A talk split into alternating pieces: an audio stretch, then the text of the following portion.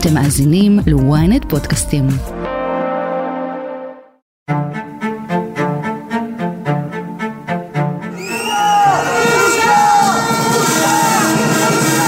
את הקולות הללו של ההפגנות הגדולות בקפלן נגד המהפכה המשפטית השארנו מאחורינו ב-7 באוקטובר. אבל בשבועות הקרובים אנחנו נחזור לביטול עילת הסבירות וחוק הנבצרות, כשבג"ץ צפוי לפרסם את הפסיקות הדרמטיות בנושא. האם המלחמה תשפיע על פסיקות בג"ץ? מה יקרה לוויכוח הציבורי בעת הזאת? ואולי כדאי בכל זאת לשקול מחדש את עיתוי הפרסום בעקבות המלחמה. אני שרון קידון, וזאת הכותרת. טובה צימוקי, הכתבת המשפטית של ynet וידיעות אחרונות, כולנו, ואפילו אני שעסקתי בזה הרבה, שכחנו שנושא המהפכה המשפטית עדיין על הפרק, ובעצם בג"ץ אמור אה, לפרסם את ההחלטות שלו בעניין. נכון שרון, רציתי לומר לך שאנחנו בעצם בשישה לחודש, שהיה יום שישי, ערב המלחמה, בעצם התכוננו לקטסטרופה אחרת. בעיני רוב האנשים זו הייתה קטסטרופה, התכוננו לכניסתה של המהפכה המשפטית שהגה יריב לוין עם בנימין נתניהו לתוקף. אם כן, להלן תוצאות ההצבעה, חברי הכנסת 64 בעד, אין מתנגדים, אין נמנעים. אני קובע כי הצעת חוק יסוד השפיטה תיקון מספר 4 עברה בקריאה השלישית ונכנסה לספר החוקים. בעצם היחידים שהיו, התכוננו למשהו הייתה המערכת המשפטית. ראשית, נגמרו הדיונים בעתירות על בג"ץ הנבצרות ובג"ץ הסבירות, והיועצת המשפטית לממשלה גם הייתה במצב שאולי ידיחו אותה, בגלל חוסר הרצון שלה להגן על ראש הממשלה בעתירות האלה. זה היה המצב. דבר שני, בשבוע שהחלה בו המלחמה, פרשה נשיאה חיות לגמלאות בגיל 70, והותירה את הנשיאות בידי הממלא מקום שלה, עוזי פוגלמן. דבר שני, השופטת ענת ברון, גם היא מבית המשפט העליון, פרשה אף היא באותו שבוע, ומכיוון שיש לפרסם פסיקות, מותר לשופט עוד שלושה חודשים לאחר פרישתו, היה ברור שבעצם עד ה-12 לינואר, שזה מועד פרישתה של ענת ברון, תתפרסמנה התשובות לעתירות האלה. וזה המצב שאנחנו נמצאים בו. אז אילו פסיקות אמורות uh, להתפרסם בשבועות הקרובים? אז ככה, יש שתי פסיקות שקשורות לבנימין נתניהו, וזה נקרא פסיקות של הנבצרות, זה תיקון לחוק יסוד הכנסת, שבעצם קבע מנגנונים חדשים הרבה יותר מקלים על נתניהו או על כל ראש ממשלה, שזה יהיה מאוד מאוד נדיר אה, להוציא אותו לנבצרות, בעצם לבטל את כהונתו. עתירה אחרת מדברת ממש על בנימין נתניהו עצמו, והיא אומרת האיש כל הזמן נתון בניגוד עניינים, ולכן יש אה, להדיח אותו כי הוא לא עמד בהסכמים שלו עם היועץ המשפטי לממשלה ועם בג"ץ. עכשיו לגבי העתירות האלה, הן נדונו כבר בחודש אה, אוגוסט וספטמבר, ובית המשפט העליון מבין שהוא פה עומד במוקש חוקתי משטרי לא רגיל.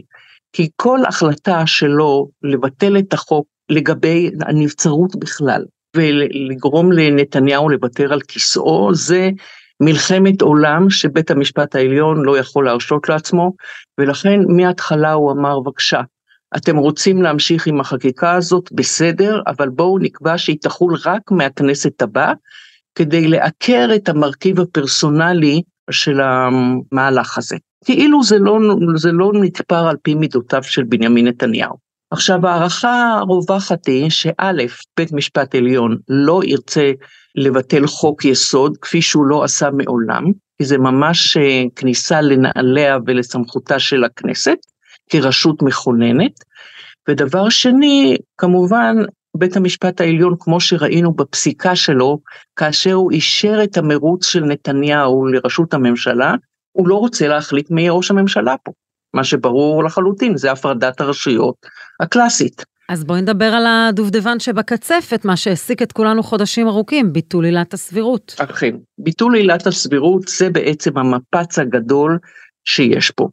עכשיו זה לא רק סתם ביטול עילת הסבירות שקיימת היום בעצם, היום כל עוד לא בוטל, בית המשפט העליון לא יכול לפסוק בנושא עילת הסבירות. אי אפשר להגיש לו בג"צים בנושא הזה, כי גם לא יצא צו ביניים שאומר אל תשתמשו עד שנכריע. נכון להיום אין עילת סבירות בהחלטות הממשלה. לכן פה יש התנגשות מאוד מאוד מאוד גדולה בין הכנסת והממשלה לבין בית המשפט העליון. וזאת למה? בית המשפט העליון, בעצם הכנסת בחקיקת החוק הזה, היא ביטלה את האפשרות שבית המשפט העליון יקבל החלטות בנושאים של החלטות ממשלה ובנושאי מינויים. בעצם בג"ץ נגרעה מסמכותו. ופה השאלה העיקרית תהיה האם בית המשפט מסכים לכך שהכנסת גרעה מסמכותו באופן מהותי, זה לא סתם החלטה קטנה, או שהוא יילחם על מעמדו, ובעיקר על מעמדם של זכויות האדם במדינת ישראל. לפני ימים אחדים הציג שר המשפטים החדש תוכנית בזק לשינויים מרחיקי לכת במערכת המשפט. למעשה, מדובר במתקפה, שלוחת רסן, על מערכת המשפט. אני מנסה להבין מי עומד מאחורי ההחלטות אה, שהתפרסמו, האם הנשיא הזמני של בית המשפט, פוגלמן, או הנשיאה היוצאת חיות? כן, אין ספק שזו הפסיקה האחרונה והמכוננת של אסתר חיות. זו הפסיקה האחרונה הגדולה שלה. עכשיו אפשר להגיד קצת ברכילות. חיות מאוד נפגעה מהביקורת הקשה שהוטחה בה, כאשר היא ו-11 שופטי עליון קבעו שהם לא מתערבים בהחלטה שבנימין נתניהו ירוץ לראשות הממשלה, על אף שיש אה, כתב אישום נגדו. חיות חשבה שא', החוק הוא מאוד מפורש בנושא הזה שראש הממשלה כן יכול לרוץ, ודבר שני, הדבר העיקרי, הם לא יתערבו ברצון הבוחר. בית המשפט העליון לא יחליט מי ירוץ לראשות הממשלה ומי לא. הזכות לבחור ולהיבחר היא זכות חוקתית עליונה ולכן אין להתערב בה. אבל חיות ספגה קיתונות של ביקורת, כולל שופטים עליונים בדימוס, שאמרו כמובן אה, אצל ברק זה לא היה קורה. גם אם החוק היה קובע שהוא כן יכול, ברק היה מחליט שזה לא יעלה על הדעת והיה מוצא מבנה משפטי שיפסול את המרוץ. חיות לקחה את זה מאוד קשה במהלך כל הכהונה שלה, אבל כמובן היא המשיכה הלאה. ויש האומרים שאחת הסיבות שיכול להיות שהיא הפעם תרצה בביטול החוק הזה, זה כמובן קצת הנושא של המורשת. היא תראה שהיא מגנה על בג"ץ כמו לביאה, ולא נותנת לבטל אה, את אחת מהסמכויות החשובות שלו, זה עילת הסבירות, ו... ולכן היא תפסול. מצד שני גם יש להבין שאסתר חיות היא אישה מאוד מאוד מאוד אחראית, היא תמיד הייתה שופטת שמכירה היטב את הפוליטיקה, את המבנה המפלגתי, את כל הכוח וגם את העליבות של המערכת הפוליטית, ולכן היא, מהפחד שלה שהיא תשאיר בית משפט אה, מתווך על ידי הפוליטיקאים, היא לא תבטל. טוב, אנחנו נראה את זה בעוד שבוע.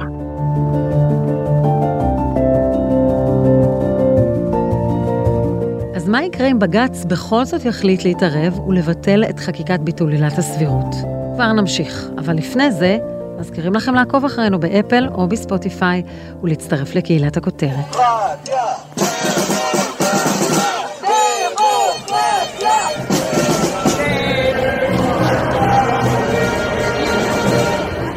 בג"ץ נמצא כאן באיזושהי בעיה כפולה.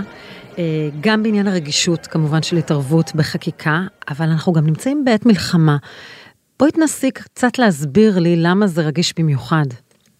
בגלל ההתנגשות הקשה שיש פה בין בית המשפט העליון לבין הכנסת והממשלה, אה, יש שאומרים שזה לא, לא יעלה על הדעת שבתקופה כזאת שכולם אה, משתדלים לרסן את האג'נדות שלהם שהיו ערב המלחמה ואת הפילוג הקשה שהיה וכן הלאה, אה, אז הם לא יקבלו שוב החלטה שיש בה משום הפילוג. זה הנימוק העיקרי, שלא ייתכן שבג"ץ, כך אומרים המלעיזים, בג"ץ ינצל את השקט שיש עכשיו הפוליטי בתוך המדינה ואת האבל הלאומי וכן הלאה, כדי לשבור את הכלים. הם יודעים בית המשפט מה המצב פה, אבל הם אנוסים עכשיו לקבל החלטה בגלל הזמן, נראה שבית המשפט העליון לא, בשום אופן לא אה, אה, יקבל החלטה מהותית בשים לב שמדובר במלחמה או לא מלחמה. אבל בכל זאת, דווקא בתקופת מלחמה וכשהעיניים הבינלאומיות על הפעילות של אה, צה"ל ושל מדינת ישראל, יש גם משמעות לחיזוק בית המשפט. נכון, אז אני רוצה לומר אה, דבר כזה. בית המשפט העליון, אמנם השופטים תמיד אומרים שאין עליהם אלא מורא החוק, ומה שהם רואים זה רק הקייס שלפניהם, והם לא מושפעים מרוחות השעה, הדבר הוא לא מדויק. בנושאים כל כך קריטיים, אה, השופטים כולם רואים גם את האימפקט שיהיה להחלטה שלהם על החיים הציבוריים, על החיים הפוליטיים, כולל הפחד שגם יפגעו בסמכויותיו. ואני רוצה להזכיר במאמר מוסגר, שבשבוע שבו החלה המלחמה, אלמלא המלחמה, אמור היה שוב לעלות לקריאה שלישית תיקון לחוק יסוד שאומר שבג"ץ בכלל לא יכול לבטל חוקי יסוד. כלומר, במקרה כזה אי אפשר היה אפילו לדון בעתירות שאנחנו מדברים עליהן עכשיו. כי בית משפט לא יכול לבטל חוקי יסוד, אז אין מה לדבר על הנבצרות ואין מה לדבר על הסבירות. המלחמה בעצם מנעה את העניין הזה, כי נתניהו אמר בפירוש בשבוע הראשון, אנחנו לא נמשיך עם המהפכה החוקתית, אנחנו מתרכזים רק במלחמה. הועלו תרחישים שלפיהם המהפכה המשפטית תוביל להעמדת טייסים וקצינים לדין בהאג. כעת טוענים משפטים בכירים כי כלל החיילים עשויים להיות חשופים למעצר בגין פשעי מלחמה. יש גם משמעות לתפיסת העצמאות והחוסן של בית המשפט העליון בהקשר של הדין הבינלאומי ובית הדין בהאג, בטח בעת מלחמה. כן, אין ספק שנגעת בנקודה מאוד חשובה, שאותה גם הדגישה היועצת המשפטית לממשלה, כאשר היא סירבה להגן על ביטול עילת הסבירות בפני בג"ץ. היא אמרה, ש... וזה עוד היה לפני המלחמה, שבג"ץ נחשב השכפ"ץ של מדינת ישראל, הוא מייצג אותה בכל הטריבונלים הבינלאומיים, כולל עצרת האו"ם, כולל אה, בפני מדינות, כאשר אומרים הישראלים יחקרו את כל הדברים הלא טובים, וכמו שאת מתארת לעצמך, כל המראות של האנשי עזה באוהלים וכן הלאה, זה יביא להמון תביעות.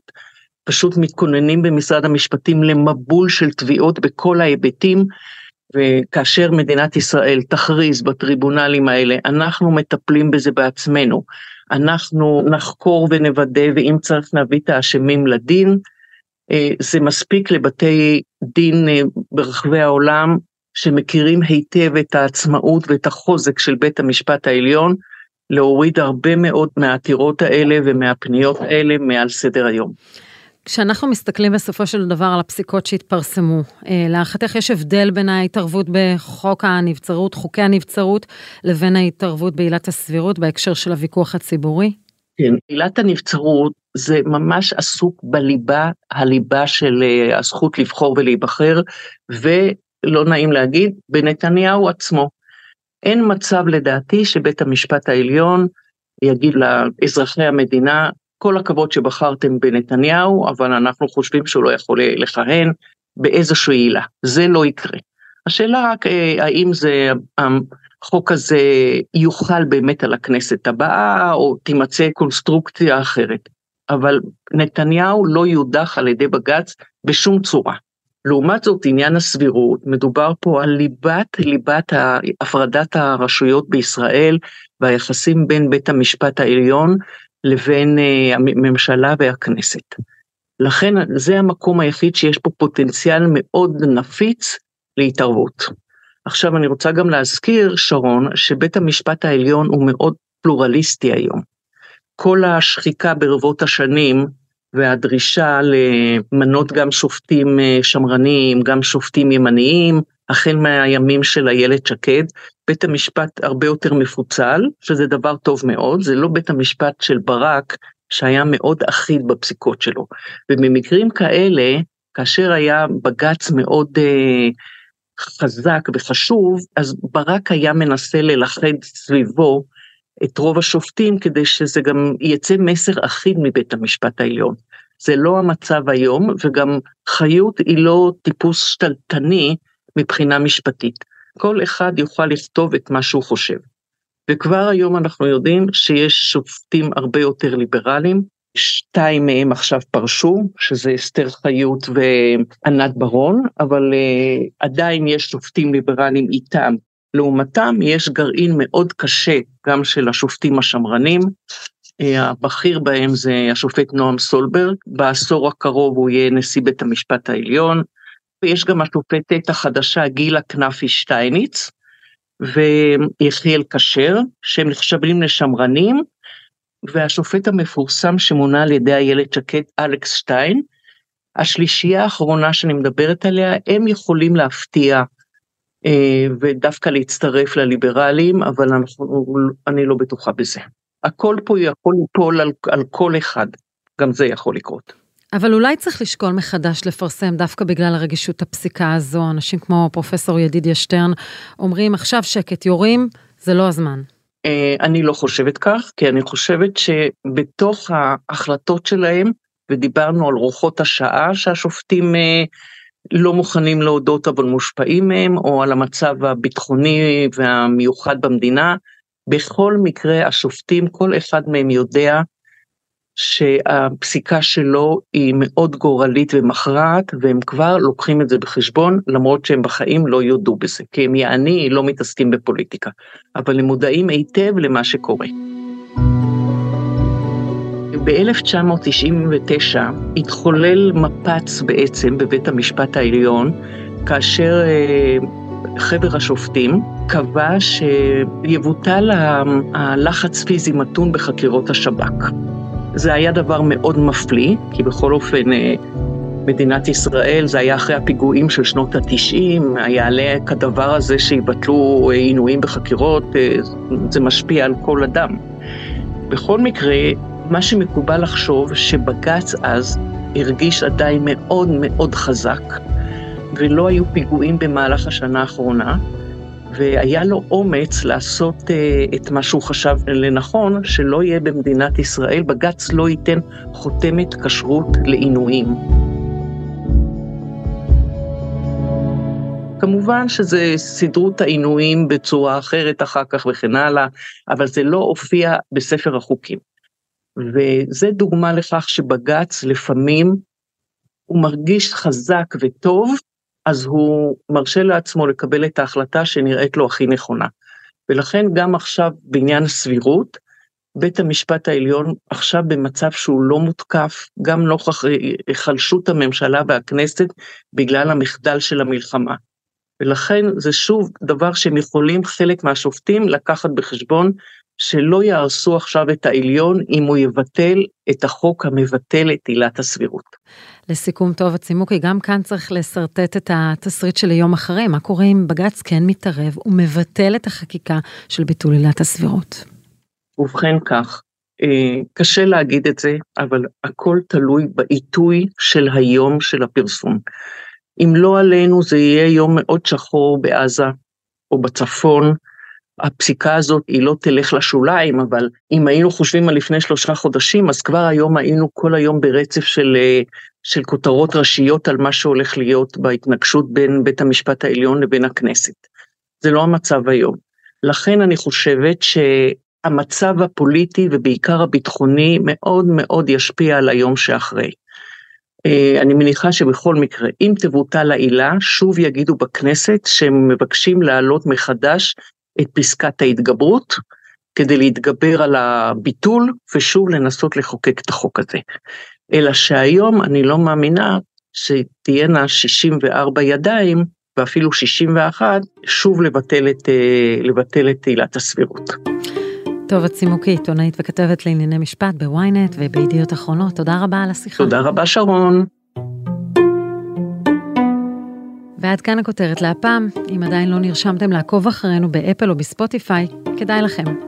אתם מוזמנים לדרג אותנו או להגיב לנו, אנחנו נשמח לקרוא. את הכותרת אפשר למצוא גם באתר ynet או באפליקציה בנייד וברכב. אם הגעתם עד פה, אתם מוזמנים להאזין לפרק נוסף שלנו על הוויכוח של הסכמי אוסלו. חפשו את הפרק בין הסכמי אוסלו למלחמה בדרום. שמעון שיפר. תחקיר, הפקה ועריכה גיא סלם ועדן דוידוב. סאונד עמרי זינגר. אני שרון קידון, שמרו על עצמכם.